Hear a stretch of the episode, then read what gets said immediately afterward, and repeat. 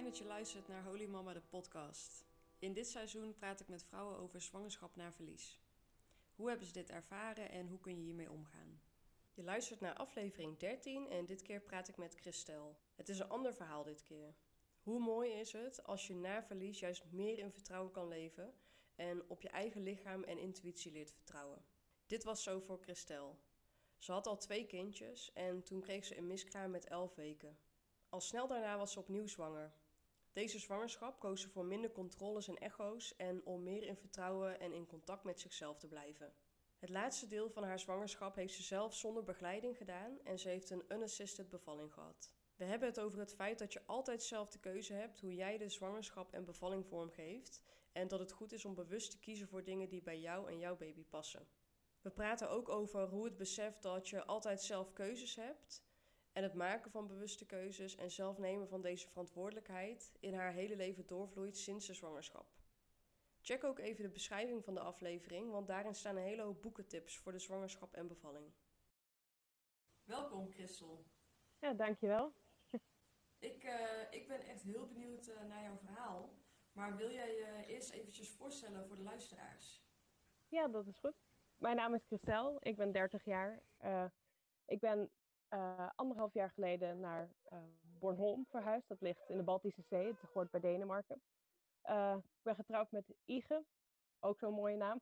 ik ben bijna tien jaar bij hem nu. en samen hebben we drie kinderen. een dochter van acht, een zoon van drie en een dochter van nu één jaar.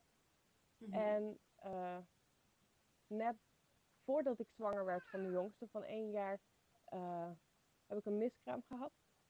Mm -hmm. uh, en ik heb een miskraam gehad toen ik rond de elf weken was. Oké. Okay. Ja. Ja, elf weken. Ja, dat is dan al best wel. ja, want sommige mensen zullen denken van, oh, dat is nog best vroeg. Maar ik, ja, ik vind van niet. Ik weet ook uh, ja. dat het dan echt al best wel een, een groot kindje is. Ja, en het was ook best wel heftig, vond ik zelf, de miskraam zelf. Het was echt, ja. nou, ik zie het gewoon als een kleine geboorte. Ik had ook gewoon weeën ja, voor een aantal uren lang. En dat was gewoon heel erg. Uh, het was gewoon een hele heftige ervaring om mee te maken. Um, dus ik zou het, nadat ik dat meegemaakt heb, nooit meer zien als. Oh, het stelt niet zoveel voor. Nee, precies. Dat, dat stelt inderdaad niet, uh, nee. Niet niks en, voor, zeg maar. Nee, en daarnaast bereid je je er natuurlijk op voor. Je gaat plannen maken. Je gaat, uh, uh, nou, we waren al van plan om te emigreren naar het buitenland, naar Bornholm. En omdat ik er toen achter kwam dat ik zwanger was, hadden we dat afgeblazen, hadden we het huis uit de verkoop gehaald. En oh, hadden we zoiets ja. van, we wachten wel tot de baby er is. Die zou in januari geboren worden. En ja. dan nog een aantal maanden. Dus we gaan volgende zomer pas weg. Ja, ja, uh, dus je, je past alles erop aan. Dus het had, had een enorm grote impact op ons leven en hoe we dat gingen invullen. Ja, ja dus het, het gaat niet alleen maar um, om het verlies van het kindje, maar ook de hele plannen die je al nee. hebt gemaakt en de toekomst ja, die je zo ja. al... Uh, ja. Je, je ziet gewoon al voor je hoe het eruit gaat zien en wat je gaat doen. En dan loopt ineens alles anders. Dus dat had wel een grote impact. Ja, ja. En uh, hoe was dat toen voor jullie? Hoe, hoe kwam je erachter? Um, was het, want ik Um. hoor van vrouwen uh, verschillende verhalen, bijvoorbeeld dat ze of bij een echo erachter kwamen dat het niet meer leeft, het kindje, of uh, dat er een bloeding is of zoiets. Nou, ik kwam erachter door. Uh, ik, ik, wilde geen echo in de eerste weken. Mhm. Mm -hmm. juist omdat ik zoiets had, ik wil wat vertrouwen hebben in mijn eigen lijf. En, en ik ga voor een echo. Um, bij de termijn echo rond de, wat is het, 12 weken of iets dergelijks. Mm -hmm. En dan kijk ik hoe het is en uh, of alles uh, yeah. oké okay is. Uh, dus ik had nog geen echo gehad. Ik had hem gepland staan. Maar yeah. ik werd op een ochtend wakker en ik zag bloedverlies. En ik denk, oké, okay, dat kan een miskraam zijn, maar misschien is het ook gewoon bloedverlies. Want soms yeah. heb je bloedverlies in het begin van je zwangerschap. Um, yeah. Tenminste, ik heb dat eerder wel eens gehad. Maar toen kreeg ik ook kramp En ik denk, oké, dit is niet goed. Dat voelt niet goed. Dus ik ben naar de uh, verloskundige gegaan. Ik heb haar gebeld. Ze zegt, kom maar langs, we doen een echo. En Mhm. toen zagen we inderdaad dat eh, het, het kindje al niet meer leefde. Maar we zagen inderdaad ook dat het al kleiner geworden was. Ze vertelde ook dat dat Oh, eh, kan, als het kindje dan al eerder is overleden, dat het lichaam al begint met het opruimen ervan. Dat het oh. al, ja. Dus waarschijnlijk eh, was het kindje al overleden met, ik denk, zes, zeven, misschien acht weken. En eh, is het lichaam toen bezig gegaan om ervoor te zorgen dat het eh, uitgedreven zou worden, om het zo maar te zeggen. ja, ja. Oh jeetje, en hoe was dat toen, toen je dat, eh, toen je dat hoorde daar?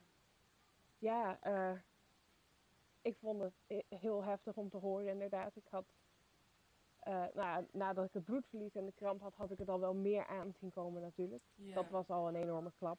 Maar alsnog had ik hoop. Ja, misschien is het toch oké. Misschien is, er, is het gewoon een bloeding. En kan ik deze zwangerschap toch nog voldragen. Maar die echo was natuurlijk wel...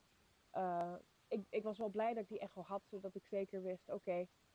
ehm, er is echt niet meer een levend kindje. Dus Ja, de miskraam gaat beginnen. Er is echt een miskraam aan de gang. Anders dan blijf je nog bleef ik tenminste nog vasthouden aan die hoop en aan dat idee dat ehm, het misschien eh, toch nog goed zou kunnen komen. Ja, dat was wel die duidelijkheid die je op dat moment misschien ook wel nodig had dan. Ja, ja dat, en ik denk dat dat ook hielp, eh, want nadat ik dat eenmaal wist en zoiets had, oké, dit gaat gebeuren. Natuurlijk was ik ongelooflijk verdrietig. Ik was eh, natuurlijk eerst ook in ontkenning. Ik had zoiets, ja, dit, dit is toch niet zo. Dit, dit, waarom overkomt dit mij? Waarom ik wil dat niet. Ik wil dit kindje krijgen. Niet een ander. Ik wil dit. Dus ik was natuurlijk eerst ook aan het ontkennen. Maar op een gegeven moment kwam dat besef wel, oké, dit gaat gebeuren. Dit, hier ga ik doorheen. En toen ik me daar meer aan begon over te geven, merkte ik ook dat mijn lichaam ook daadwerkelijk toen pas begon om het los te laten. ja, het moment dat ik zelf zoiets had van oké, ik kan er niet omheen, dit is nou eenmaal wat er gaat gebeuren. Ja, na- nadat ik de eerste bloeding en de kramp had, heeft het nog wel een aantal dagen geduurd voordat het daadwerkelijk eh, begon. En die zondags, dus een aan, ja, wat is dat? Vrijdag, ja. Drie dagen later kreeg ik dus die weeën en dat heb ik een hele nacht gehad. Het was echt, nou ja, ik heb dus drie bevallingen gehad en dat voelde gewoon net zo. Ehm, Alleen bij bevallingen heb je nog meer eh, oxytocine en dat had ik nu niet. Dus het, voelde echt ongelooflijk heftig. Ik ben gewoon onder ja, de douche gegaan en ik heb, wel. Ik heb gewoon muziek opgezet en ik heb maar geprobeerd om er ook een soort bevalbubbel van te maken. En Ja, daarin te gaan en, en dat over me heen te laten komen. Maar ik kreeg het wel moeilijk midden in de nacht op een gegeven moment. Ik denk, oh, wanneer stopt dit? En ik kan het Ja. niet meer aan, dacht ik op een gegeven moment. En toen stopte het toen ook. Er, er was nog niks uit, ik was nog niks verloren. Maar toen stopte het wel en toen kon ik eindelijk weer gaan slapen. Want ik was zo moe. Maar het duurde Ja. nog twee dagen voordat ik... Ik was bij de wc geweest volgens mij en ik, ik kwam weer terug en ik voelde ineens iets. Ik, dat voelde heel gek en ik ging eh, terug naar de wc en daar was inderdaad eh, het, het vruchtje, zeg maar, helemaal intact, heel klein in een, een, ja, een zakje, zeg maar, met, met, vruchtwater. Je kon echt alles nog zien. ja, Dus eh, ja, jeetje. ja, En hoe was dat toen? Want je was dus al, hè, al vanaf dat, dat je het eerste teken kreeg, die bloeding dan, was je al best wel een aantal dagen daarmee bezig. ja, En het was vermoeiend, het was super intens zoals ik jou nu hoor. ja, En het hoe was, was dat, dat, dat het daar dan eh, was? ja, het was kindje, zeg maar. wel een opluchting dat mijn lijf dat zelf kon. En dat ik dat zelf kon doen. Dat zei mijn verloskundige ook steeds. Je hoeft niet naar het ziekenhuis. Je kan het zelf doen. Jouw Ja. lichaam kan dat ook. En dat was heel fijn om ook van haar te horen. Eh, ze, kon, te- eh, ze hield natuurlijk in de gaten. Ze zei ook als je koorts krijgt of als er zoiets is, dat je, dan moet je het wel laten weten. Maar voor de rest is het prima als je thuis blijft. En als je juist gewoon in de rust gaat en die tijd neemt. En dat je ook tijd neemt om te herstellen. Ja, En daar was ik wel heel blij mee dat zij mij ook dat vertrouwen gaf. Ja, ja. Ja, dus zij, zij ehm, ja, praat hier ook misschien wel wat moed in en vertrouwen in. Ja. Ja, fijn. Heel fijn om zo iemand dan uh, Ja. naast je te hebben. ja, dat was heel fijn. Het was een opluchting dat het wel zover was. Eh, het duurde nog twee dagen voordat ook de placenta er was. Dus dat toen wel. En dan oh, dat daarmee. was niet meegekomen. Nee, nee. Ik, ik merkte al, nou ja, is dit dan alles? Is het zo klaar? Maar ik had nog steeds wat buikpijn en wat bloedverlies. En dat duurde nog twee dagen langer voordat eh, alles er was. En daarna was het ook afgerond en klaar. En kon ik gaan herstellen. Ja, Eh, oké. maar, nou ja, in die tijd voelde gewoon tussen dat ik ontdekte dat ik een miskraam ging hebben en dat het daadwerkelijk afgerond was, voelde ook gewoon alsof de tijd even stil stond. En ik had voor de rest niks anders behalve dat. Ik was, eh, Ja. Ik was niet aan het werk eh, en eh, mijn oudste dochter ging naar school en Mhm. mijn schoonouders woonden op vijf minuten afstand, dus die namen mijn, mijn jongste, toen jongste zoontje eh, vaak mee. En ik heb echt de tijd genomen om goed te eten, te rusten en stil te staan bij wat er gebeurde en mijn, mijn emoties de, de tijd en, en de plek te geven om er te zijn. En ik had eh, mooi. eh, calendula zaden gekocht bij, de, eh, bij het tuincentrum. En Mhm. een pot en grond. En dat hebben we toen als gezin met z'n allen hebben we het vruchtje daar begraven. En ik had calendula zaden erop geplant. Want dat, Mhm. ik weet niet, ik, we wisten al dat we gingen emigreren. En dat, de tuin was dus niet een goede plek voor ons. Eh, ja. Oh ja.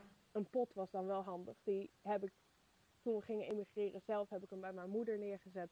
En mijn moeder heeft hem later, toen we ons eigen huis hier op Bornholm hadden, meegenomen. Ehm, en nu staat hij bij ons en nu zijn er weer nieuwe bloemen aan het bloeien. Dus dat is wel heel bijzonder. Ik vond het fijn voor mezelf om daar een plekje aan te geven. En eh, ik wilde het niet zomaar weggooien. Dat voelde niet goed. Nee. Het was ook Nee. deel van mij. Het is, is ook in mij gegroeid. En het was gewoon een, een kindje wat te vroeg mij verlaten, wat niet hier bij me kon zijn. Dus voor mij Mhm. en voor ons als gezin was het heel fijn om daar toch een plek aan te geven. Ja, ja, heel mooi.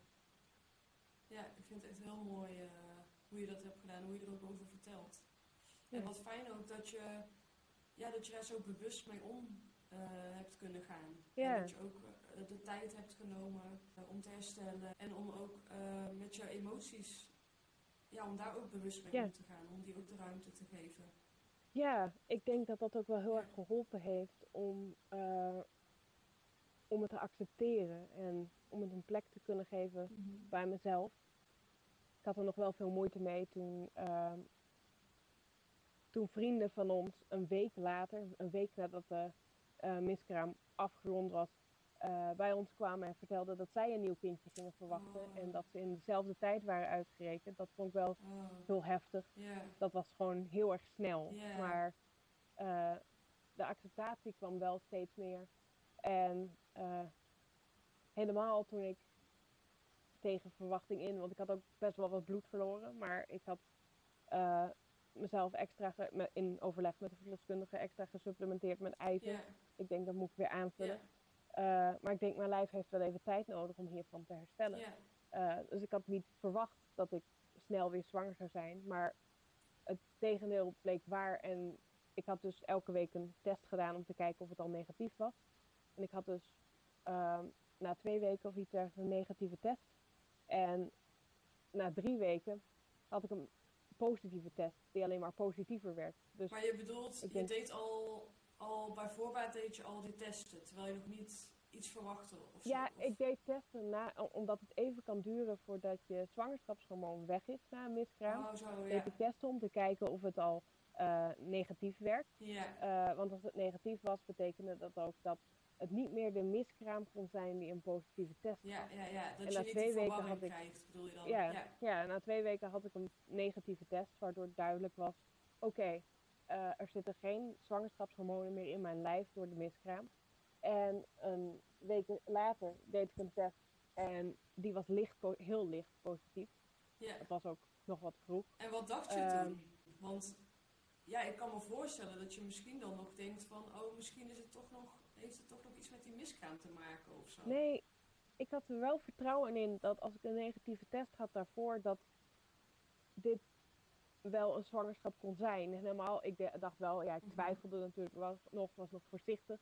Maar ik denk, ik doe over een paar dagen weer een test. En kijk of die nog wat Mhm. donkerder is. En daarna nog een keer. En nadat eh, Ja. een paar keer, na een paar dagen weer gedaan te hebben. En ik zag dat die donkerder werd en donkerder werd. Had ik zoiets, oké, dus dit is wel echt een nieuwe zwangerschap. Want anders zou dat niet zo Ja. zijn. En Ja, ja, na mooi. een aantal weken na de miskraam belde mijn verloskundige dus ook om te vragen hoe het was en of ik goed hersteld was en hoe ik me voelde. En we waren daarover aan het praten en we waren over, aan het praten over eh, hoe we na de miskraam hadden besloten om alsnog te verhuizen en alsnog te emigreren. En hoe we ons hu- ons huis in de verkoop hadden gezet. En halverwege het gesprek zei ik, oh ja, ik heb ook weer een positieve test. En ze zei, waarom zeg je dat nu pas? dat is geweldig, maar dat is zo snel. Ze had niet verwacht dat ik zo snel alweer een positieve test zou hebben. En dat ik alweer zwanger zou zijn. Ja. Ja. En had ze dat dan niet verwacht omdat, eh, want je zei van je had best wel wat bloed verloren en je dacht dat je ook wat langer herstel nodig had, je lichaam. Ja, Was dat dan daarom? of- ja, het was echt nog maar een maand later. Ik had nog geen enkele ongesteldheid gehad. Dus het was gewoon Nee. de eerstvolgende ovulatie was ik alweer zwanger. Eh, ja, ja, dat had ja. ik zelf ook niet aanzien komen zo snel. Maar dat was wel heel bijzonder om te zien en mee te maken. Ik was deels wel wat eh, nerveus over of het dit keer wel goed zou gaan. En daarom Mhm. toen ik met zes weken had ik ongeveer, of vijf weken had ik een lichte bloeding. En toen heb ik ook Mhm. gevraagd of ik dan een echo mocht hebben. Om te kijken of het goed was. Dat was wel stressvol. Want ik denk, ja, het, is toch, zal toch niet Ja. weer een miskraam zijn? Het zal toch niet weer misgaan? Ja. Maar op die echo was duidelijk te zien dat er een hartje klopte. En toen had ik zoiets, oké, nu kan ik het loslaten, nu kan ik me hier aan overgeven. En ik kan gaan zien hoe het nu loopt. En eh, Mhm. toen heb ik natuurlijk een aantal weken later wel nog een keer een, een echo laten doen. En met 20 weken eh, heb ik mijn verloskundige ook gevraagd om kort een echo te doen. Eh, vooral om mijn eigen gevoel te bevestigen dat ik wist dat het goed was. Mhm. En dat ik op mijn gevoel kon vertrouwen dat het goed zat. Ehm, maar we hebben toen, omdat we ons huis in de verkoop gingen zetten tijdens, of na de miskraam, eh, die binnen zes weken was verkocht. Hm, Dat was oh. snel natuurlijk in die tijd. Het was in, eh, wat is het, 2020. Ja. Eh, zaten we dus midden in het, het verkopen van een huis en eh, het inpakken van spullen. En Ja. m- midden in het voorbereiden van een emigratie. Ja, ja, ja. Dat Ehm. lijkt me ook niet niks. Nee, nee, ik had ook niet, daarom, ik had ook niet verwacht. Ik denk, maar ik dacht, we gaan het nu niet weer uitstellen. We gaan nu gewoon. We willen graag emigreren, we gaan het nu niet meer uitstellen. Ja, Eh, dan blijven we wachten. ja, Nu is het gewoon klaar. We gaan naar het buitenland verhuizen. ja. En ongeacht wat er gebeurt. Dus we hebben het gewoon doorgezet. En eh, het huis was dus binnen zes weken verkocht. ja. En eh, toen was ik dus al zwanger. Eh, zat ik in het eerste trimester. Dus ik was misselijk en moe. Oh, ja. Ja, terwijl ik tegelijkertijd maar elke keer wat ging inpakken. En de hele tijd maar wat ja, ging voorbereiden. Ja, maar bovenal was ik gewoon heel blij en vol vertrouwen dat het, dat het goed zou komen. Ja. Oh, wat fijn dat je dat vertrouwen wel had. Ja, eh, ik had namelijk gek genoeg juist de bevestiging eh, na de miskraam dat het betekende dat mijn lijf juist goed functioneerde. Mhm. Omdat het eh, het zelf gedaan had, omdat het zelf de miskraam had in gang had gezet en had afgerond, uh, had het eigenlijk zijn werk juist heel goed gedaan. Het was niet een, een fijne situatie, maar het was juist wel een teken dat het wist wat het moest doen. Ja. Des te meer. Ja. ja, dus dat gaf jou het vertrouwen van oké, mijn lichaam weet wat het moet doen. En uh, ik mag daarop vertrouwen. Ja. Ja. En dat is ook, want ik, ja, dat is ook juist, uh, hoe laat ik het zeggen, ik, ik had al het idee om uh, unassisted te bevallen uh, van een zwangerschap die uiteindelijk in een miskraam eindigde.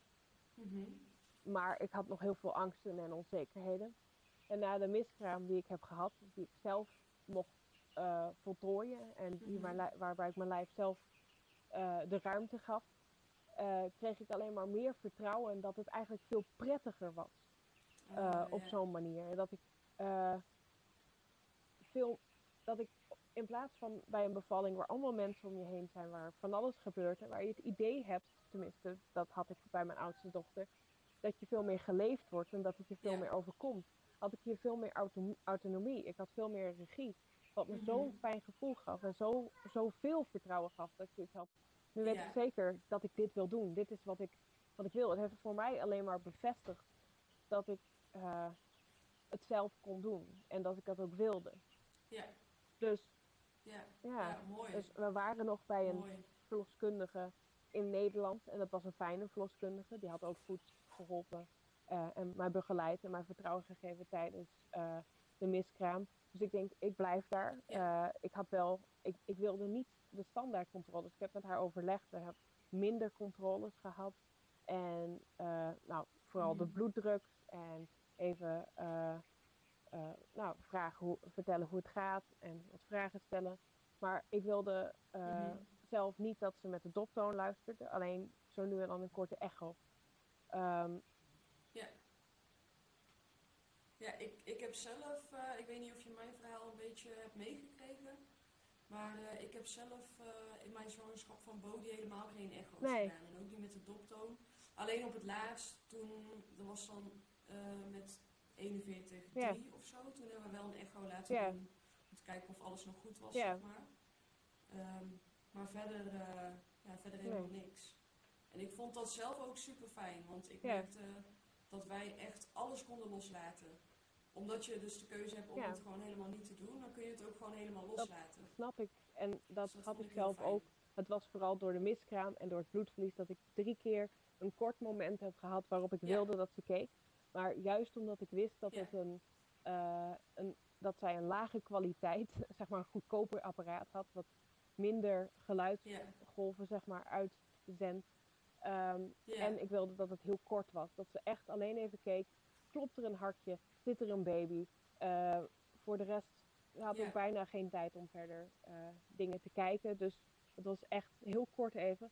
Gewoon om mijn eigen vertrouwen, wat eigenlijk een ook wel een beetje was geschaad, uh, om dat weer op te Ja. bouwen. En anders had ik Ja. namelijk helemaal geen echo's gewild. Uh, maar voor mij was dat fijn. Ik heb ook Mhm. geen officiële 20 weken echo gehad. Ik heb een korte echo gehad. Niet de officiële echo waarbij, je, waarbij ze uitgebreid kijken. En ik heb daar zelf voor gekozen, omdat ik bij mezelf ben nagegaan. Wat wil ik eigenlijk met zo'n echo? Wat als daar iets uitkomt? Wat zou ik dan doen? Zou, ik, zou het me vooral heel veel stress opleveren? Want het gebeurt vaak dat er dingen zijn die ze vinden waar ze niks aan kunnen doen. Ja. Uh, niet op dat moment. Maar waar je wel de rest van je zwangerschap stress van hebt. Ja, ja, ja. Uh, precies. of als er iets mis is, zou ik het afbreken? Dat zou ik ook niet doen. Nee. Dus voor mij was, nou, er is dan één ding waarbij ze in de, iets zouden kunnen doen. Maar de kansen zijn dan ook heel groot dat het misgaat en er is veel stress.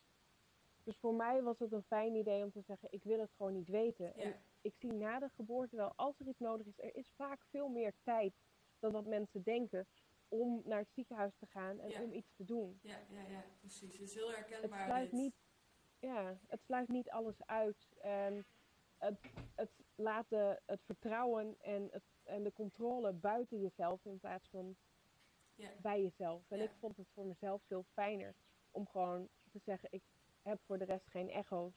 En als er iets nodig is, dan ga ik dan naar het ziekenhuis. En dan zien we dat dan wel. Ik ga me daar nu niet druk over maken. En dat gaf zo'n Ja. rust tijdens de zwangerschap om niet Ja, te weten. Het gaf zo'n rust om het zo te laten. Ik heb zo kunnen genieten van de zwangerschap, zoveel meer dan de keren daarvoor.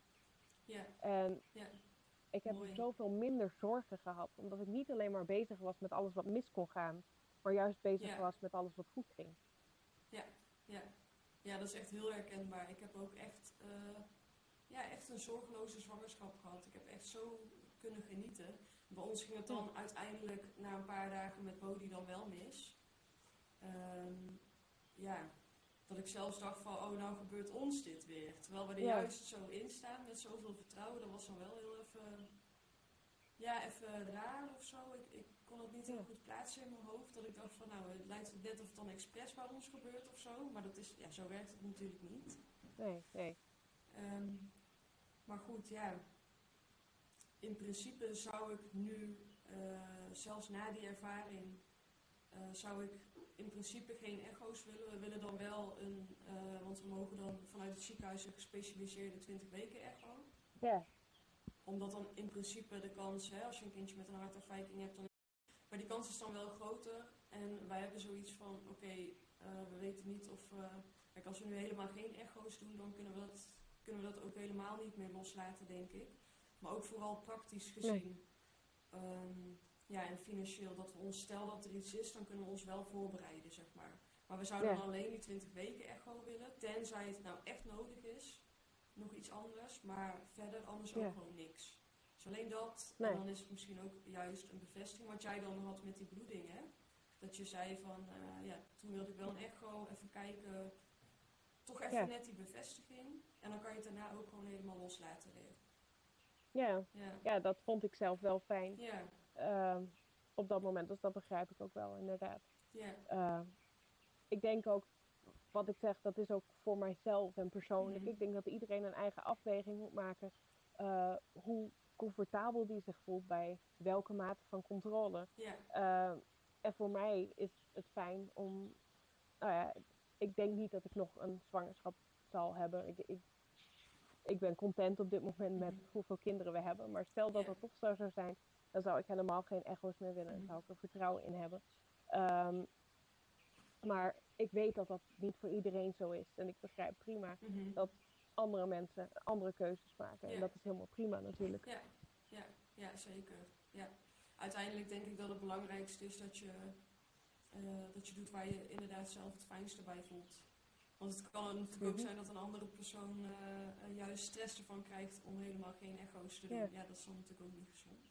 Ja, maar het ding is vooral, ik wist niet dat het mogelijk was om het anders te doen of andere keuzes te maken. En ik denk dat het heel fijn is eh, om te weten dat je een keuze hebt. En als je dan kiest om alsnog voor alle echo's te gaan, helemaal prima. Maar weten dat het niet hoeft en weten dat het anders kan, is heel erg prettig. ja, ja, ja, zeker. Ja, inderdaad. En dat je dan ook bewust die keuze kunt maken, denk ik. Ja, Want ik hoor ook heel vaak vrouwen van, oh, want ik moet zo bevallen. Ja, je moet helemaal niks. je moet doen wat jij Nee. zelf wil en waar je zelf achter staat. En eh, Ja. natuurlijk kan het wel verstandig zijn om goed te overleggen met een verloskundige als je niet zeker weet of het wel veilig is Ja. of niet. Maar eh, ja, uiteindelijk moet je helemaal niks. Dus dat is inderdaad fijn Nee. om te weten, ja, want heel veel vrouwen weten dat niet. Nee, dat was echt een enorme eye-opener ook voor mij. Ik had een doula bij de tweede, eh, bij, mijn, bij mijn zoontje, bij mijn tweede kind. Mhm.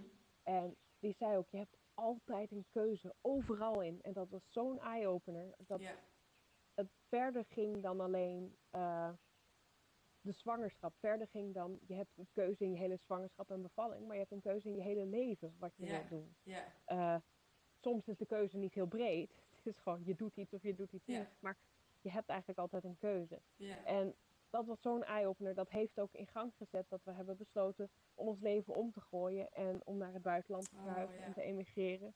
We zijn thuisonderwijs gaan geven. Eh, dat heeft ook het voor ons in werking gezet om te kiezen voor een unassisted bevalling. Mhm. Eh, en om gewoon alles om te gooien. Ja. Dus dat gaat best wel, voor mij ging dat best wel ver. Ja, ja, mooi. Ja, dat, dat ging niet alleen zo in jouw zwangerschap en bevalling, maar dat, dat vloeide door in heel jouw leven. Ja, Ja, mooi. Ja. Maar het kwam voort uit eh, weten dat je een keuze hebt tijdens de zwangerschap en tijdens de bevalling. Ja. En dat je mag kiezen om bepaalde handelingen wel te doen en niet te doen. Ja, ja, mooi. Dus toen had je, toen kwam eigenlijk al het idee om unassisted te bevallen. En even voor de duidelijkheid voor de luisteraars, want misschien zijn er sommigen die niet weten wat dat inhoudt. Maar dat, dat houdt dus in dat jij ehm, zonder zorgverleners gaat bevallen. Dat is denk ik toch hoe ik het gewoon kort kan beschrijven. Zonder zorgverleners of iemand die jou ondersteunt of op medisch gebied Ja. ook vooral. Je kan bijvoorbeeld wel kiezen, sommige mensen doen dat om een doula erbij te hebben. Maar je hebt eh, geen eh, verloskundige, Mhm. geen andere hulpverleners erbij. Ja. Sommige mensen hebben een moeder erbij. Wij hebben wel gekozen om een bevalling te hebben, gewoon als gezin. Dus mijn man was erbij en mijn toen twee andere kinderen. mhm. Eh, en dat was voor ons heel mooi en fijn, zoals het gegaan was. Ja, ja, ik ben benieuwd. Ja, je had dan die, eh, die korte 20 weken echo, eh, om het zo maar even te noemen. Dat was niet de officiële, maar eh, die Ja. echo had je gehad. En hoe ging Ja. het daarna dan? Eh, daarna zijn we verhuisd. Ja, dus eh, we zijn echt, we hebben de overdracht gehad net na de 20 weken. mhm. En toen zijn we eh, naar Bornholm gegaan, midden in Mhm. de coronapandemie. oh, en ja. daar aangekomen, toen we daar eenmaal waren, ehm, had ik besloten ook, ik vind het niet fijn om weer naar een andere zorgverlener te gaan. Eh, vanaf nu doe ik het zelf. En vanaf toen hebben we ook, eh, tenzij we het idee hadden dat iets nodig was, maar dat is niet voorgekomen, hebben we Ja. besloten om het gewoon zo te laten en niets te doen. Ehm, en eh, ja, het is sowieso als je verhuist naar het buitenland, allemaal dingen moeten geregeld worden. Dus als ik het wel had gewild, had het sowieso ongeveer een maand of anderhalve maand geduurd voordat ik wel weer zorg kon krijgen. Want de zorgverzekering in Nederland moesten we al opzeggen toen we ons uitschreven. Maar het inschrijven, daar hadden we een afspraak voor een maand nadat we in Denemarken aankwamen. En dan krijg je, hier krijgt hier in Denemarken tenminste, een gele kaart, een zorgkaart. En daarmee kan je dan naar de huisarts of naar de verloskundige. Ehm, en die kregen we pas omdat het rond de feestdagen was. Het was in december, pas in januari. Dus we hadden pas in begin januari eh, gebruik kunnen maken van de zorg hier. Toen was ik net in het derde trimester. Was ik als uitgerekend eind maart. Eh, Ja. Dus ja, ja, het was gewoon een, eh, een anderhalve, twee maanden later dat, dan dat we verhuisd waren.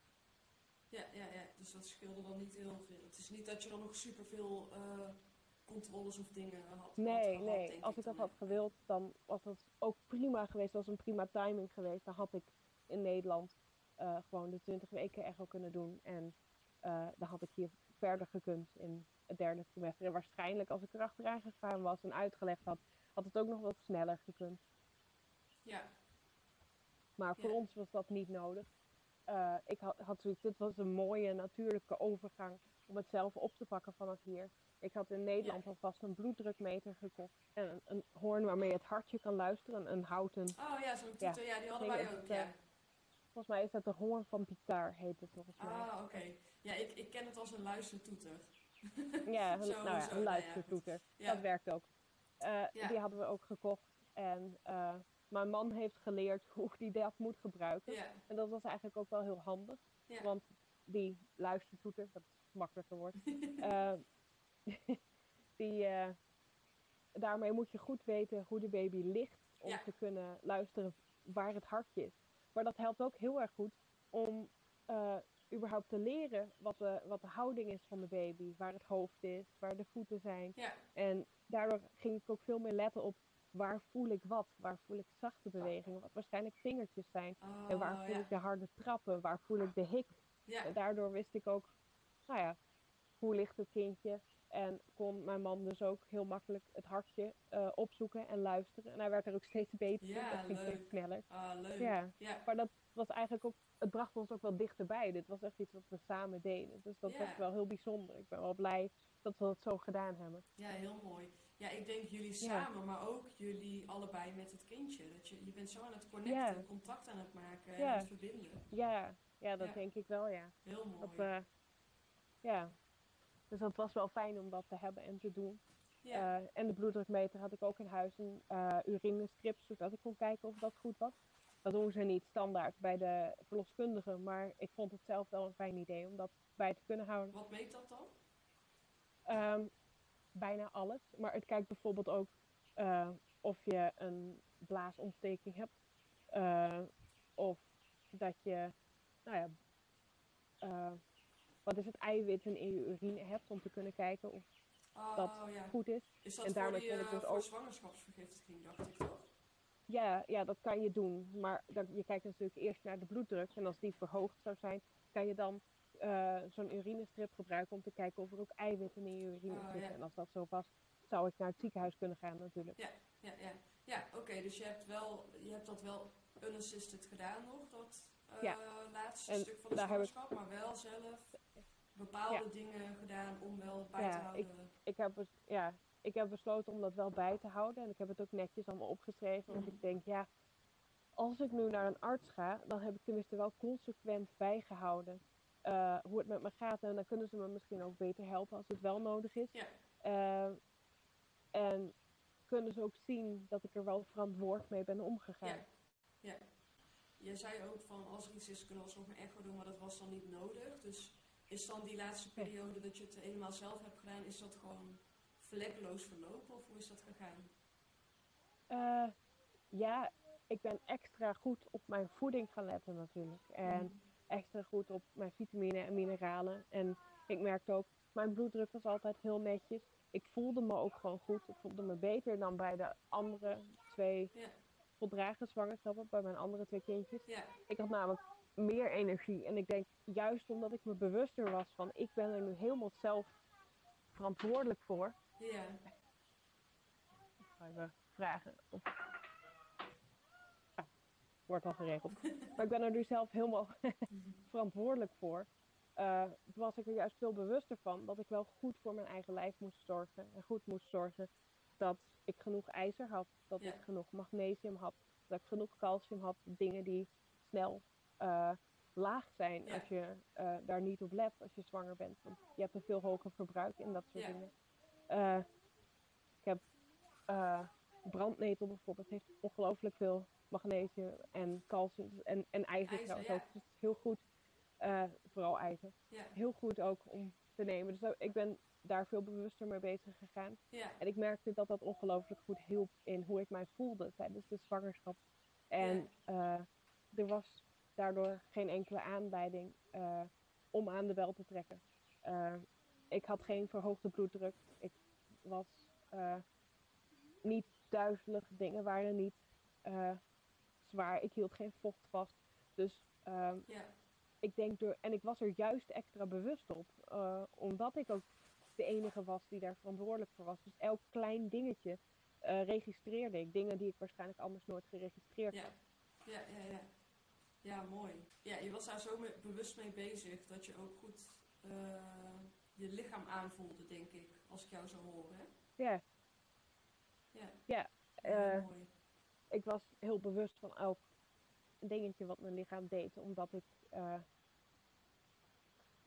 Eh, omdat het een signaal is, iets waaruit je iets kan opmaken. En ik denk, ja, als ik bij een verloskundige was geweest, die had natuurlijk mijn bloeddruk gemeten. En eh, die had, als ik dat had gewild, eh, naar, naar het hartje geluisterd. Mhm. Maar die zou niet standaard mijn urine controleren natuurlijk, of, op of ik blaasontsteking had of niet.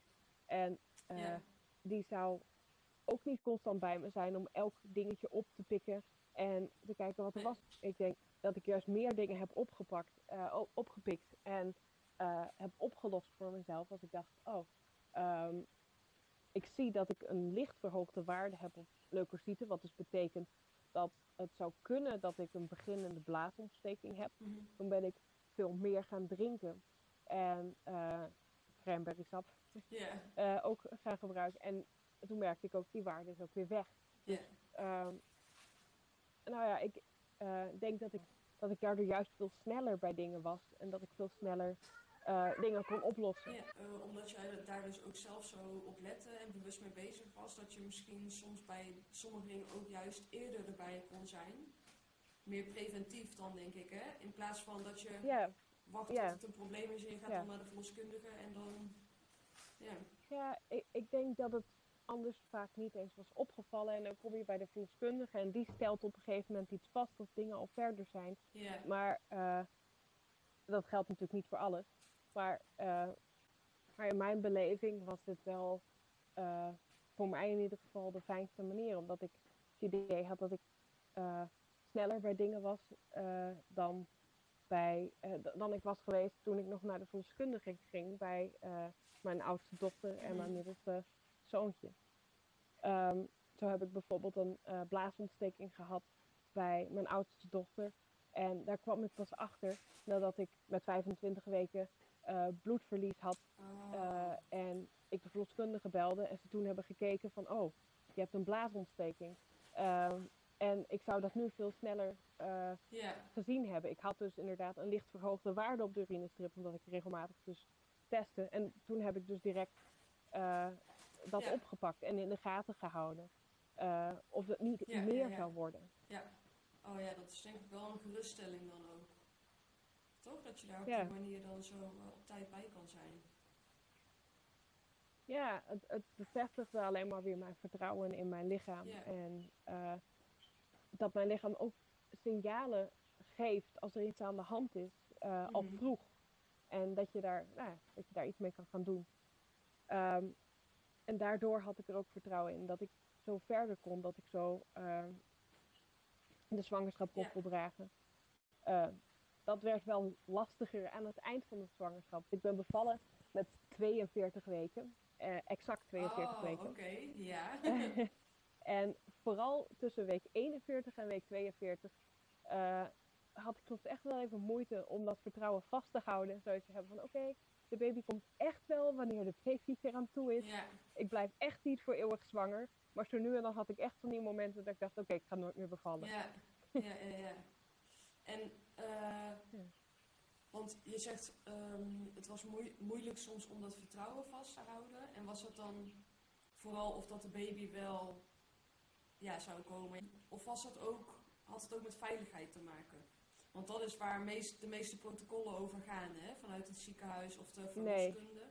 De meeste verloskundigen denken dat het, eh, dat het meteen een heel groot probleem is als je over de 41 weken gaat. Terwijl eigenlijk die cijfers, als je daar naar kijkt, Ja. dan valt het allemaal best wel mee hoe erg het is, Nou ja, eh, het risico. Maar ik heb me ongelooflijk veel voorbereid. Ik heb ongelooflijk veel gelezen. Ook ongelooflijk veel wetenschappelijke studies gelezen. Er zijn zoveel vernieuwde inzichten die nog niet altijd eh, doorgevoerd zijn in ziekenhuizen. Dus sommige protocollen Ja. zijn verouderd, maar ze bestaan nog steeds.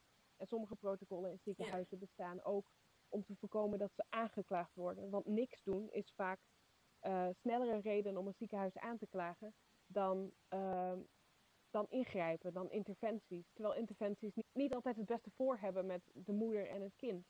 Eh, Maar- ja. ik ben de enige die, voor mijn, die echt alleen voor mijn eigen. Ehm, voor mijzelf kan opkomen. Want ze zorgen voor eh, dat de baby komt natuurlijk. En hoe dan Mhm. ook, linksom of rechtsom. Eh, maar er zijn soms andere manieren om dat te doen. En soms kunnen ze best wel wat langer wachten. Maar dat doen ze niet. Om, eh, soms doen ze dat niet uit angst voor claims. Voor, voor Ja, tenminste, dat, ja. Ja, ja, ja. ja, ik snap wat je bedoelt. Ehm, dus Ja. ik had wel vertrouwen in dat het goed was. Eh, ik voelde de baby nog meer dan genoeg. Het was nog steeds hetzelfde patroon. ja, Ehm, het was nog steeds, de bloeddruk was nog steeds in orde. Eh, alles was nog steeds in orde. En ik, ik voelde me ook nog steeds goed. Alleen, het is gewoon nog zo lang zwanger zijn. Dat zorgt gewoon voor heel veel onrust. mhm. Eh, ik denk ook als je bij een verloskundige loopt, des te ja, meer. Ja. Of bij een gynaecoloog natuurlijk. Maar eh, die onrust was er nu ook van, ah, wanneer gaat het dan gebeuren? Eh, hoe lang ga ik nou doorlopen? Hoe lang gaat dat? En het hielp niet dat we hadden afgesproken dat mijn moeder zou komen eh, in april. En die datum kwam steeds dichterbij. En ik wilde haar, hoe fijn ik haar, en, en lief ik haar ook vind, ik wilde haar niet bij de Mhm. bevalling hebben. Ik wilde dat gewoon als gezin doen. En ik was gewoon bang dat die datum kwam zo dichtbij, dat ik straks nog steeds niet bevallen was. En dat zij Ja. dan ook al was. Ik werd er gewoon onrustig van. En ik merkte gewoon, ik wil gewoon nu bevallen. Want ik zeg wel eens, en er zijn ook hele mooie memes erover, dat de laatste weken van de zwangerschap zijn niet een week, maar die zijn ongeveer een jaar. Ja, ja, ja. en zo voelde dat ook echt. ja. Ja, dat duurt al lang. Ja. En hoe ben je die dan toch doorgekomen? Eh, ik zat ook op een Facebookgroep eh voor unassisted, eh, mensen die unassisted zwanger zijn en bevallen. Ja. En ik heb gewoon heel veel van me afgeschreven daar. En iedereen zegt dan ook, heb er vertrouwen in dat het echt goed komt. Die baby komt echt wel. Je blijft echt niet zwanger voor altijd. ja, ja, ja. Voordat je het weet is het zover. Het kan echt niet lang meer duren. En dat soort dingen hielpen wel heel erg om te de- denken, inderdaad, ik, ik draai nu een beetje door. De baby komt echt wel. Ja. Ja, en daar kwam dan eindelijk de dag dat de baby kwam. Ja, Precies met Ja. 42 weken. ja, de twee dagen daarvoor had ik al weeën. Eh, en dat werd steeds een beetje meer. Eh 8 Ja. april begon het al. Alleen dat begon en stopte weer. Dus dat waren nog niet. eh, dat waren meer oefenweeën. Mhm. Ehm, maar de zaterdag, of nee, de, de, de vrijdag 9 april, zij is op 10 april geboren, ehm, eh, begon het en werd het steeds een beetje meer, gewoon heel langzaam, ja. eh, werd de intensiteit steeds een beetje sterker, totdat het eh 1 uur s'nachts was, dus 10 april, haar, haar geboortedag. Mhm. Ehm, en ik zei tegen mijn, mijn man: Oké, wij gaan niet meer slapen. Zet het ba- bad maar op. Hij mopperde natuurlijk, voor de grap dan hoor. Want hij zei, hij zei elke keer al: Alsjeblieft, kom overdag. Ik wil lekker slapen. ja. Maar natuurlijk, de nacht is rustig, de kinderen lagen op bed. Dus Ja, dan zet dat door. ja, Eh, dus mijn man heeft het bad opgezet. eh, en ik merkte inderdaad, de weeën zijn nu zo dusdanig krachtig en zetten nu zo dusdanig door dat het nu gewoon zover is. Ik merkte ook wel als de kinderen overdag wakker waren dat ik daar niet helemaal de ontspanning nog in kon vinden. Dus waarschijnlijk dat het daarom ook een keer weer wat minder werd of niet doorzetten. Eh, dus toen ze goed en wel sliepen en er al wel wat weeën waren, alleen er zat veel tijd tussen. eh, toen werd het steeds meer en kwamen ze steeds dichterbij en, eh, bij elkaar en werden ze steeds intenser. Ehm, en toen wist ik, oh eindelijk, dit keer is het echt zover. Ik hoef niet meer te wachten. Het is zover. Dus ik heb mijn man de, eh, het bevalbad laten opzetten. We hebben een hele grote slaapkamer. eh, waar we eh, twee, twee persoonsbedden naast elkaar hebben staan. We hebben een familiebed. Oh, en mijn dochter en mijn zoontje sliepen daar. en het bad stond echt aan het uiteinde van dat bed. En ze zijn niet wakker geworden tot goed. Oh. Dus ze hebben gewoon heerlijk geslapen. Maar zij waren dus gewoon wel heel erg dicht in de buurt. Terwijl ik gewoon weeën aan het opvangen was. En dat was wel heel fijn. Ja. Ehm, ja, lekker samen. en eh, ja, ja, mijn man kon dus gewoon eh, het eh, eten pakken en drinken pakken. Zorgen dat, dat ik genoeg te drinken had. Zorgen dat als hij merkte dat ik het even zwaar had, dat hij even bij me kwam. Me even aanraakte en zei, je kan het, je, je doet het hartstikke goed. Eh, eh, en ik kon hem vragen om eh, muziek aan te zetten. En ik had een affirmatietrek. En op een gegeven moment kreeg ik het best wel, wel zwaar. Ik denk dat ik al ver- vrij ver was. En ik hoorde die track met eh affirmatie Ja. eh, teksten. En ik zei, je moet hem nu op repeat zetten. Ik heb dit nodig. Want ik kon daar helemaal op, op ingaan. Helemaal naar luisteren. Helemaal in, in, opgaan. ja. En eh, alles in mijn hoofd herhalen. Oké, de baby is nu, eh, komt steeds dichterbij. Elke wee eh, is weer een stapje dichterbij. De geboorte van de baby. En dat heb ik ja, heel mooi in me opgenomen. Want het was een heftigere bevalling. Het waren heftigere weeën, vond ik Mhm. zelf. dat dan bij mijn zoontje, ehm, die bevallen was, ook in bad. Met Mhm. een verloskundige, een doula en een geboortefotograaf en mijn man.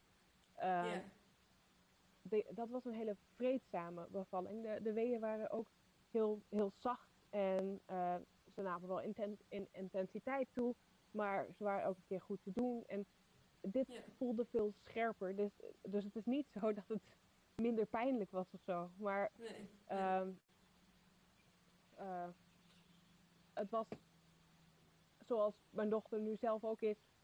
eh, intens. En eh, nou ja, het, het nam ook zijn tijd. Ehm, ja. maar ik, ja, ik weet dat eh, ik op een gegeven moment zoiets had. Oké, het is nu heel heftig. En ik denk nu dat ik het niet meer kan. Oké, dat ik dat nu denk, betekent dus dat ik bijna aan het eind Ja, ben. dat je er bijna En- bent. Ja, Ja. maar eh, dat hielp me er wel doorheen. Van oké, eh, het betekent niet dat ik faal. Het betekent niet dat het... Ik, ik ben er nu bijna. En dat was ook op het moment dat de zon opkwam buiten. Dat was heel mooi. En Oh, ja. eh, toen werden mijn zoon en dochter wakker. Mijn zoon werd wakker. hij was twee toen. Hij stond op, zag mij niet, liep straal voorbij mij naar de keuken. Ik kreeg eerst een boterham van mijn man. Al de boterham kwam weer terug en keek toen naar mij. Wat doe jij hier? Wat ben je aan het doen? Die had het En, niet eens eh, opgemerkt eigenlijk. Nee, nee. En we hadden mijn zoon en, en dochter voorbereid. We hebben te veel filmpjes laten zien van bevallingen, ook badbevallingen. Ja. En en met mijn dochter erover gepraat. Ze was eh, zeven. Dus Ja. zij was vrij bewust van wat er gebeurde natuurlijk. Ja. En ik dacht dat mijn zoontje niet zoveel van die bevalfilmpjes mee zou krijgen. Maar ik zei, mama zit in bad, de baby komt vandaag. Hij kijkt over het randje van het bad van, waar, waar is de baby dan? Dus blijkbaar had hij Ja. wel in die filmpjes gezien dat er dan inderdaad een baby in bad geboren werd. ja. Ja, ja, ja. Maar dat was ongeveer drie kwartier voordat ze daadwerkelijk geboren was. En kort daarna kreeg ik ook persweeën. En eh, ehm, ik had al gezegd tegen mijn dochter en eh, eh, haar al voorbereid. Ik denk dat ik vrij lui- luid kan zijn. Dat was ik ook bij mijn zoontje. En daar houdt ze niet zo van. Dus ik had al gezegd dat ze dat niet prettig vindt. Ze heeft van die oorschelpen, dan kan je die opzetten. Je mag ook een filmpje kijken op de tablet, maar dat wilde ze niet. Ze had wel eh, mij drinken gebracht en ze ging mijn hand vasthouden. Ze heeft nog een paar foto's gemaakt. Dus Oh, ze heeft echt, ze, ze vond, ze had al wel gehoord van een doula en wat hij doet. Dus ze vond, ik ben nu een doula, ik ben mijn mama's doula, ik ga haar helpen. Ja, oh, ja. lief. Ze was Ja. wel, toen ik eh, echt wel lief. aan het persen was, eh, had ze wel even de oorschelpen opgehaald. En was ze aan de rand van de kamer in de deuropening gaan staan. En, eh, ehm, maar zij en ook mijn zoontje waren er allebei bij, terwijl mijn dochter geboren werd. En dat voelde zo Ja. bijzonder en fijn om dat mee te maken. Want het voelde ook alsof dat, eh, in ieder geval voor mijn zoontje van twee ook, eh, daardoor veel natuurlijker was. Van oké, ik heb nu gezien, de baby is geboren. Dus die komt niet gewoon uit het niets uit de lucht vallen. Die, die, ehm, die is daadwerkelijk inderdaad Ja. ook uit mama's buik gekomen. Dus die hoort er nu bij. Dus hij had ook direct zo'n gevoel Ja. van oké, dit is nu de baby. Hij weigerde wel haar naam te gebruiken, want we hadden natuurlijk tijdens de zwangerschap ook steeds baby gezegd. dus Oh, eh, ja. vier maanden later zei hij nog steeds baby. Maar hij accepteerde wel dat ze Ja. er nu deel van was. Hij had het gezien. Gezien hoe ze eh, Ja. daar deel van, deel van ons gezin werkt. Dus dat was wel heel bijzonder en heel fijn. En eh, ja, ze was geboren en een paar seconden had ik zoiets. Oh, ze is er al uit. Dus ik keek ook mijn- man aan. Ze moet nu omhoog. Dat was echt een paar seconden, maar het voelde veel langer natuurlijk. En eh, ik zei, eh, jij moet haar eruit halen. Hij zei, jij mag haar ook omhoog tillen. Ik zei, ja, dat doe jij maar. Dus hij heeft haar uit het water omhoog eh, getild. En toen kreeg ik haar in, Mhm. op mijn borst. En ik, ik zat op handen en voeten. zo heb ik, ja, op handen en knieën, zo, zo heb ik geperst. En toen ben ik dus omgedraaid, heb ik haar, haar vastgepakt op mijn borst. En toen heb ik gekeken. want We, we wisten natuurlijk niet wat voor geslacht het werd, want dat hebben we dus nooit. Eh, maar ik had altijd al het gevoel dat het een meisje was. Dus, oh ja, ik moet even kijken. Dus Ja, even- ja, ja, oh ja, het is inderdaad een meisje. en ook eh, mijn dochter zag het toen. Die, en die, ja, die was ook heel blij dat ze een zusje had gehad. Natuurlijk al een broertje. Dus ze hoopte al dat het een meisje leuk. zou zijn. Ja, mooi. Oh ja, ja. En terwijl ik in, eh, zo zat met mijn dochter, eh, die nog even aan het bijkomen was, eh, maar al een goede kleur had en al even één schreeuw liet horen, zo van ja, oké, ik ben er, maar daarna weer rustig werd. Ehm, dus we hebben dus ook gewoon de Apgar even nagegaan en gekeken van oké, is alles Mhm. goed? Terwijl ik daar zat en ik ook bijkwam, kwam ook de placenta al. Ja. Ehm, en ik heb eigenlijk bijna geen bloedverlies gehad. Maar als dat zo was, dan had ik daar eh, tincturen voor die daarbij helpen Oh, ja. om het bloedverlies te stoppen. Mhm. En ehm ja, toen kwam de placenta en eh, toen zijn we uit bad gegaan en zijn we direct op bed gaan liggen. En daar zijn we de rest van de dag gebleven. Ja. We hebben gewoon heerlijk eh, zijn we bijgekomen. fijn. en geland. Want zowel voor mij als voor Luna, haar naam is Luna, Mhm. ehm, zijn, was het fijn om, om bij te komen en eh, even tot rust te komen. Überhaupt ook even te beseffen wat er nou net allemaal gebeurd was.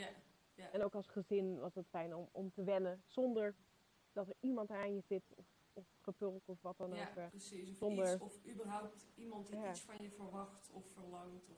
Ja, nou ja, alleen al dat je vragen krijgt of dat je over dingen moet nadenken.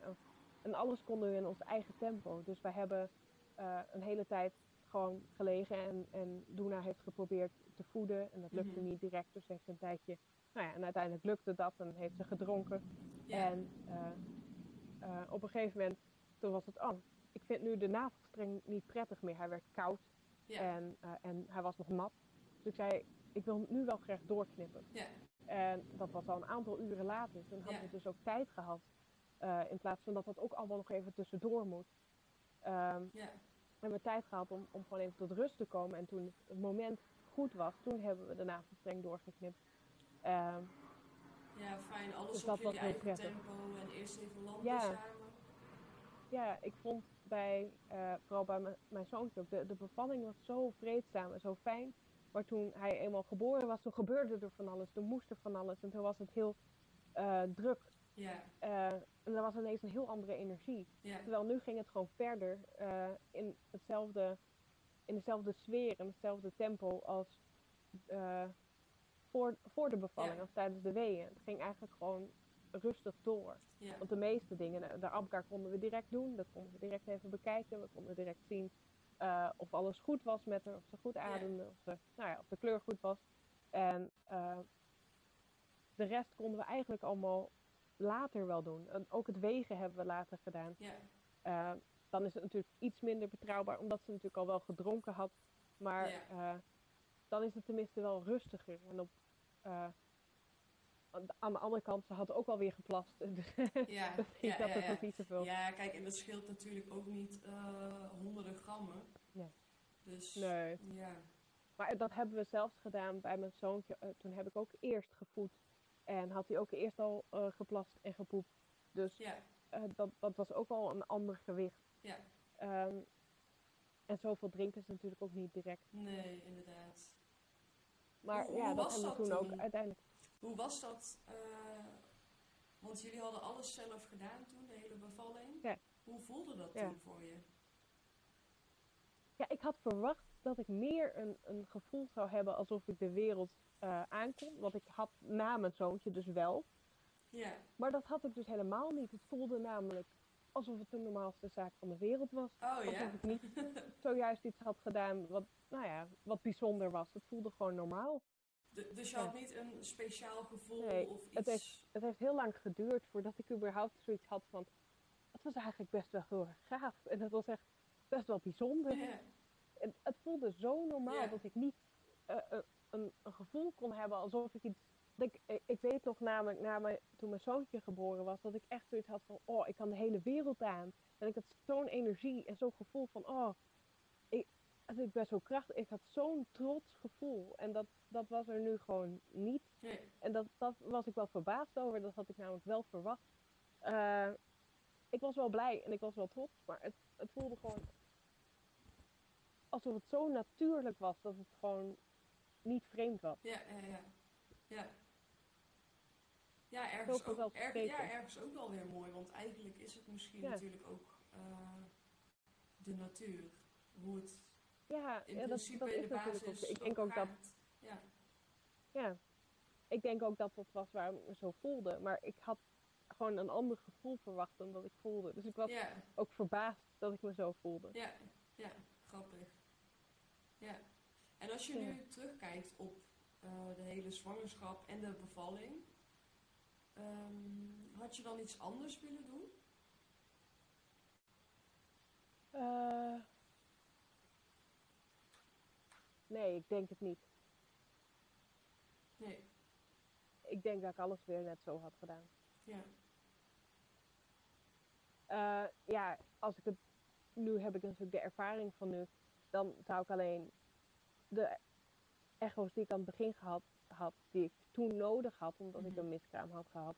En toen nodig had voor mijn eigen gevoel en mijn eigen rust, mhm, zou ik nu niet meer doen. Maar dat is ja, met de ervaring die ik nu heb. ja, Maar als ik precies in dezelfde situatie zat, had ik het precies zo weer gedaan. ja, ja. Ja, dus die echo's wel, omdat je dat op dat moment nodig had. Ja, ik had het toen nodig. Ja, Ehm, mijn, mijn gevoel had toen gewoon nodig om dat gewoon even te zien. Het enige wat ik wilde weten was, er klopt een hartje, er is een baby. Ik hoefde niet te weten of alle tien vingertjes en alle tien teentjes er waren. Ja. Ik hoefde niet te weten of alles verder goed was. Het enige wat ik wilde weten, is er een baby, eh, klopt er een hartje. Ehm, ja, en dat was genoeg voor mij op dat moment. ja, ja. En zijn er nog andere dingen ehm, die jou tijdens de zwangerschap, of misschien wel tijdens de bevalling ook nog, hebben geholpen om dat vertrouwen te houden in jezelf, in het proces, in je lichaam, in de baby? Eh, nou ja, ik heb meerdere boeken gelezen eh, en artikelen gelezen. Dat had ik ook nodig om te weten ehm, wat als dit zich voordoet, wat doe ik dan? Eh, Mhm. En dat in meerdere scenario's. En überhaupt het vertrouwen te krijgen eh, dat, ja, dat veel dingen vanzelfsprekend zijn en natuurlijk zijn. En dat je waar je wel en niet wilt ingrijpen. Ik heb veel gelezen over interventies die er zijn. Mhm. En eh, of ze wel, of, nou ja, in mijn mening wel of niet nodig waren. Mhm. En, ja, en, en ik heb, was dus lid geworden van een Facebookgroep waarin ik ervaringen kon lezen, maar ook kon delen en eh, vragen kon stellen. En dat Ja. waren dingen die me heel erg hebben geholpen Ja, om eh, dat vertrouwen in mezelf ook te ontwikkelen en groter te maken. Eh, want veel angst komt voort uit het niet weten. Mhm. En niet weten hoe dingen zitten, niet weten hoe dingen werken.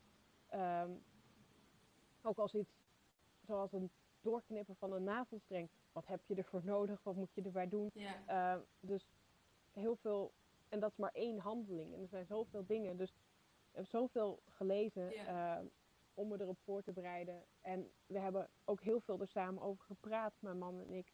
Eh, ook om, om te kijken, hoe staan we er samen in? Heb jij er vertrouwen in? Mhm. En dat had, hij heeft altijd vertrouwen gehad in dat ik wist wat ik deed. En dat ik, eh, dat, ik dat kon. Uh, maar hij had aan het begin meer zorgen. En hoe meer ik deelde over wat ik gelezen had. Want zo zit ik in elkaar. Ik lees de dingen en ik vertel hem wat ik gelezen ja, heb. Hij leest het niet zelf. ja, Maar ja, ehm, hoe meer we dat gedaan hebben en hoe meer, we, hoe, hoe meer dat, die zekerheid, hoe, hoe meer dat bevestigd werd voor onszelf. We doen iets waar we achter staan. Mhm. En ja, het heeft ons alleen maar dichter bij elkaar gebracht. Eh, door daar zo samen in te gaan en, en er samen over te praten. En dat zijn dingen waar ik heel blij mee ben dat ik dat heb gedaan. ja, Eh, en dat had ik ook nodig. Ehm, ik zou het niet zonder een goede voorbereiding gekund ja, hebben. ja, mooi. Dus die kennis en eh, ja, het Ja. inlezen in dat soort dingen, dat heeft jou ook echt wel heel Ja. erg geholpen. Ja. Ja. En heb jij ook boekentips voor de mama's die misschien luisteren of mama's to be die, die denken van, oh, ik ben wel heel benieuwd naar wat ze allemaal heeft gelezen dan? Oh, ja. dan moet ik de namen überhaupt bedenken. Want ik ben niet heel goed in namen, zo on the spot. Maar ehm, Anders, anders dan kan ik ze ook nog even in de beschrijving zetten. als jij. Ja, weet- jij ze mij mailt of zo. Dan, ja, dat kan. Maar ik weet sowieso dat er een boek is, Freebird, van een Duitse mevrouw. Maar hij is ook in het Engels. eh, Mhm. die ik heel fijn vond.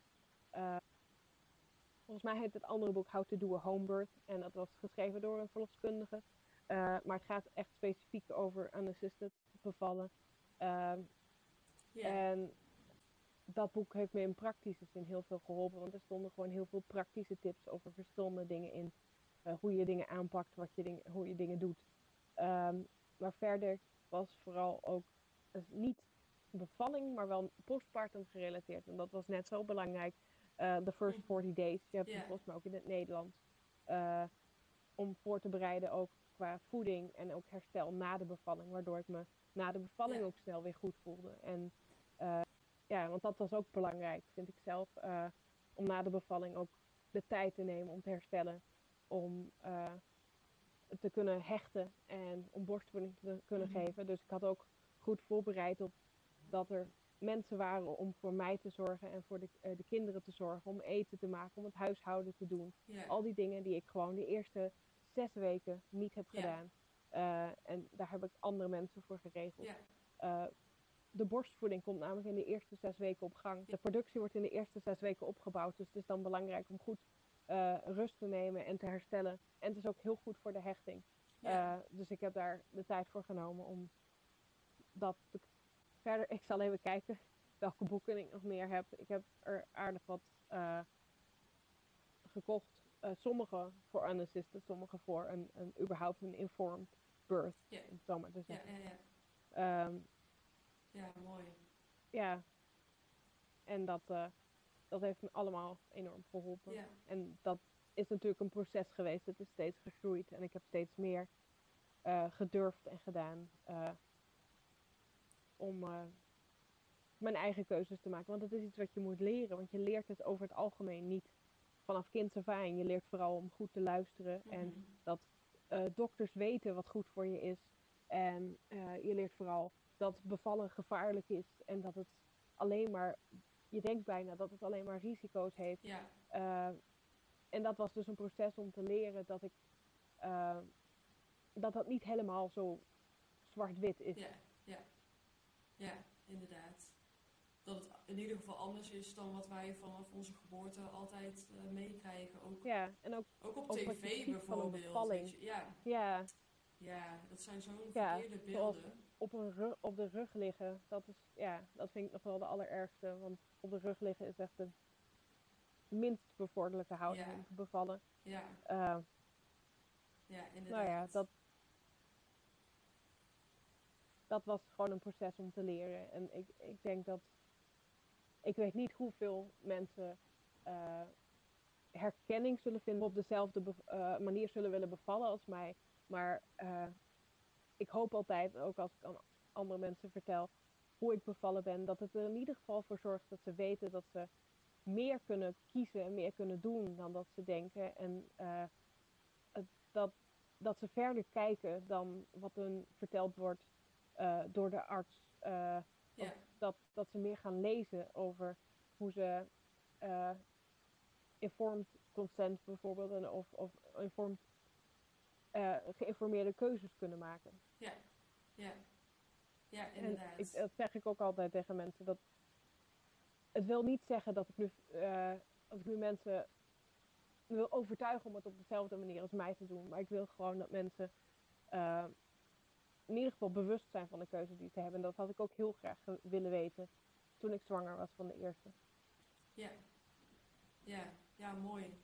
En ik denk ook dat ehm, eh, wat mensen er misschien ook wel uit kunnen halen, is dat in sommige gevallen, want ik kan me ook heel goed voorstellen dat in sommige gevallen eh, het juist fijn is om misschien wel wat meer ehm, medische ondersteuning te hebben. Ja, maar in sommige gevallen dat het misschien juist ook wel fijn is om wat meer op jezelf, eh, hè, juist dat soort dingen los te laten als het niet per se nodig is. En wat meer bij je. Ehm, bij mijn zoontje ben ik sowieso bevallen. eh, en de vliezen braken aan het begin wat meer. En toen was er meconiumhoudend vruchtwater, net als bij mijn oudste dochter. Eh, maar ik had al tijdens de zwangerschap overlegd dat ik dan, als dat goed viel, voelde, thuis wilde blijven. Dus toen was ik al van de gebaande paden afgegaan en uh, heb ik andere keuzes gemaakt dan de procedures die er waren. En in overleg met de verloskundige hebben we toen besloten thuis te blijven en ben ik in bad bevallen. En ook bij mijn jongste dochter, uh, alleen de vliezen braken pas tijdens het persen. Ook toen was er meconiumhoudend vruchtwater. Um, Alleen, nou ja, ook als ik in het ziekenhuis was geweest of uh, met een verloskundige, hadden ze er natuurlijk niks uh, aan kunnen veranderen, want ik was al aan het persen. Yeah. Um, maar uh, meer om het idee dat zoiets als dat hoeft niet altijd een reden zijn, te zijn om naar het ziekenhuis te gaan. Dat, er zijn meerdere situaties waarin dat niet per se noodzakelijk is. Mm -hmm. en yeah. nou ja, het is, dat, dat had ik wel willen weten toen ik zwanger was van mijn dochter. Dat dat niet per se altijd hoeft. Dat je ook kan kiezen om dan wel thuis te blijven. Um, zoals ik ook bij mijn zoontje heb gedaan. En ik was er daarom nu totaal niet meer bezorgd over. Uh, bij, ik denk zelf dat, stel je voor dat ik weer zwanger zou zeggen, dat ook dat kindje in het vruchtwater gepoept heeft. Ik denk dat het gewoon een standaard is bij ons, uh, bij, bij, bij, mijn kinderen. Ja, ja. Ja ik heb zelf ook, uh, misschien ken je die cursus wel, uh, bevallen als een baas van Nira van Dijk. Nee. zij heeft dus eigenlijk al die informatie, alle, ja, eigenlijk alle standaard ja. basic informatie van wat is nou een bevalling en hoe, hoe werkt dat ja. fysiologisch. Ja, daar ben je weer. Ja, ja dus hoe, hoe werkt dat? En dan heb je alle opties die je hebt, alle mogelijke complicaties die zouden kunnen optreden. Wat is daar het risico van? Oh, wat super. Ja. Um, en wat zou je dan kunnen doen en wat zijn al je opties? Waar moet je op letten? Bijvoorbeeld bij ja. houden terugwater. Ja, soms moet je wel naar het ziekenhuis en soms ja, valt zeker. het allemaal wel mee, zeg maar. Ja. Dus dan ja. ja, ik heb daar ook over uh, dat soort dingen ook geleerd, zeg maar. Ja, zeker. Ik zou er vooral dingen over lezen, inderdaad. Ook, ja. Ja, ik vond het zelf ook heel fijn. En ook wat jij zegt, juist die informatie, dat geeft je dan ook weer vertrouwen. Ja. Omdat je die kennis hebt en je weet wanneer het wel en niet erg is. Of wanneer je wel en niet iets moet doen. Ja, dat geeft dan ook wel weer rust.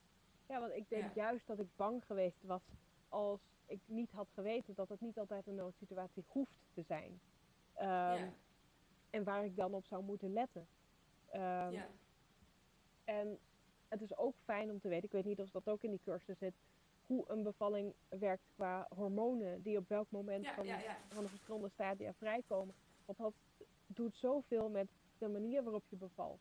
Uh, want je wilt natuurlijk de oxytocine stimuleren, wat er juist voor zorgt dat weeën uh, prettiger zijn, soepeler verlopen, minder pijnlijk zijn. En dat doe je juist uh, door inderdaad een, een, fijne omgeving te maken, een fijne setting. En dat dat zijn dingen die zo belangrijk zijn voor een goede bevalling, een prettige bevalling. En zo fijn om te weten, want dat, dat verandert soms ook de keuzes die je maakt. Je weet hoe een bevalling in elkaar zit. Ja, ja zeker. Ja, ja mooi. Ja.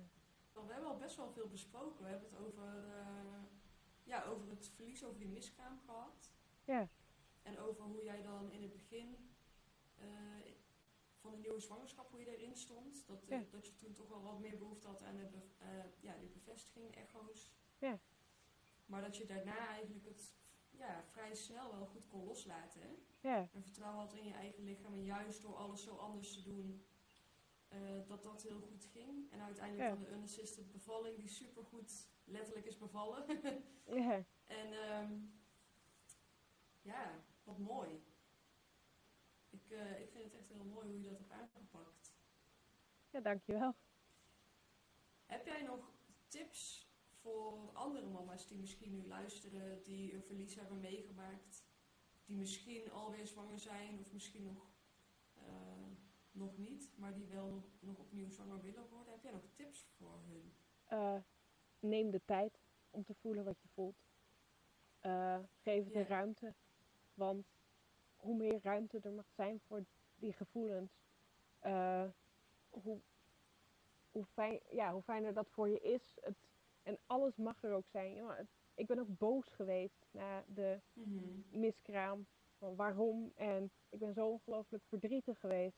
Eh, en het blijft natuurlijk iets verdrietigs wat ik heb meegemaakt. Maar ik heb er wel veel meer vrede mee, omdat ik het, de tijd ervoor heb genomen en het de ruimte heb gegeven.